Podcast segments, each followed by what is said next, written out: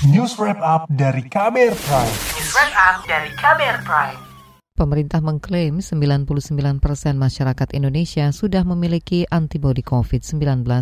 Klaim itu berdasar hasil survei serologi antibodi yang dilakukan sejumlah lembaga belum lama ini. Hasilnya diumumkan menjelang mudik lebaran.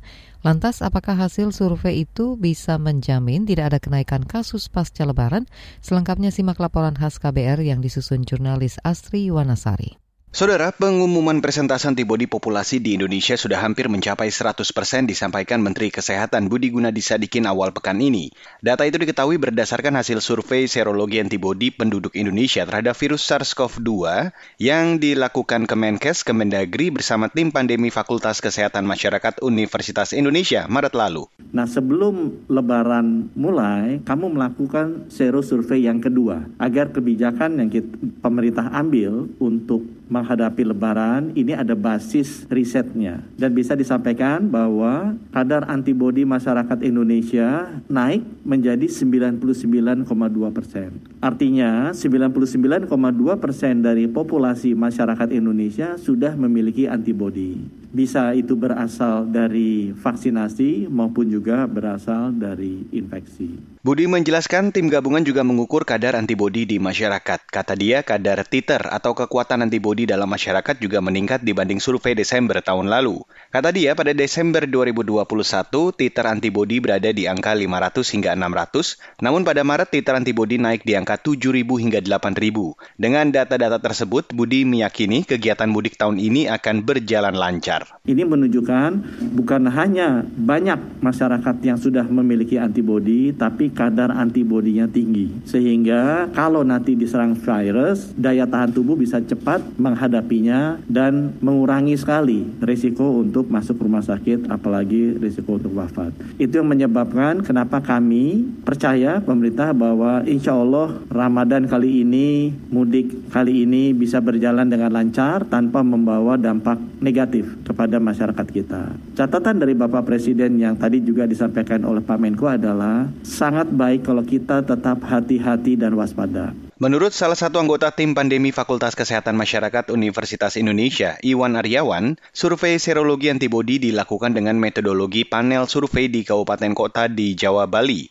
Kabupaten kota yang dipilih merupakan daerah asal dan atau tujuan mudik. Metode pemilihan sampel menggunakan stratified random sampling atau teknik pengambilan sampel dengan memperhatikan suatu tingkatan atau strata pada elemen populasi. Pada sero survei ini sampelnya 2.100 responden di 21 kabupaten dan kota di tujuh provinsi berarti setiap kota atau kabupaten ada 100 responden yang dipilih. Nah, pemilihan respondennya itu dengan acak dengan memperhatikan strata jenis kelamin, umur, riwayat vaksinasi dan riwayat terdeteksi. Di sini kami melakukan stratifikasi untuk e, menjamin bahwa distribusi respondennya itu sama dengan distribusi penduduk menurut jenis kelamin, umur, riwayat vaksinasi maupun riwayat terdeteksi COVID-19.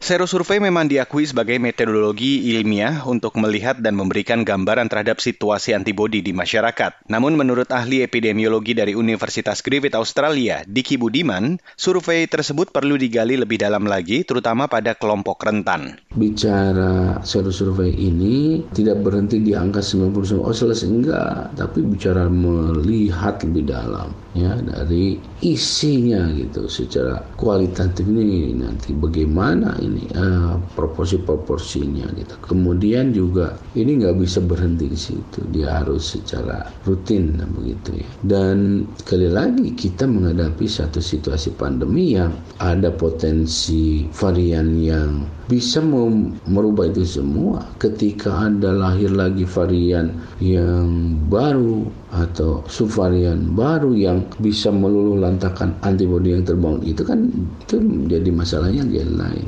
Diki meminta pemerintah juga melakukan strategi komunikasi dan edukasi yang baik untuk masyarakat agar tetap disiplin melaksanakan protokol kesehatan. Karena menurutnya potensi lonjakan kasus COVID-19 di Indonesia masih ada dan masyarakat harus tetap waspada. Kalau bicara satu persen saja dari penduduk kita ini ya yang belum membeli antibiotik itu masih besar. Dan sekali lagi ini kan survei tidak serta pasti mencerminkan betul-betul ya tidak tidak begitu juga gitu ya. Karena itu kan sampling. Nah, oleh karena itu satu komunikasi risiko yang kita bangun harus tetap membangun kewaspadaan. Berdasarkan data Satgas Penanganan COVID-19, kasus virus corona naik drastis usai lebaran. Pada pekan keempat usai lebaran 2020 misalnya, kenaikan mencapai lebih dari 93 persen. Sementara pada 2021, kenaikan tembus 112 persen pasca lebaran. Seperti pada Mei tahun lalu, penularan mencapai lebih dari 40 ribu orang per hari. Terdapat lima provinsi dengan jumlah lonjakan tertinggi, antara lain Jakarta, Jawa Tengah, dan Jawa Barat. Saudara, demikian laporan khas KBR yang disusun Astri Yuwanasari, saya Reski Mesanto. Kamu baru saja mendengarkan news wrap up dari KBR Prime. Dengarkan terus kbrprime.id, podcast for curious minds.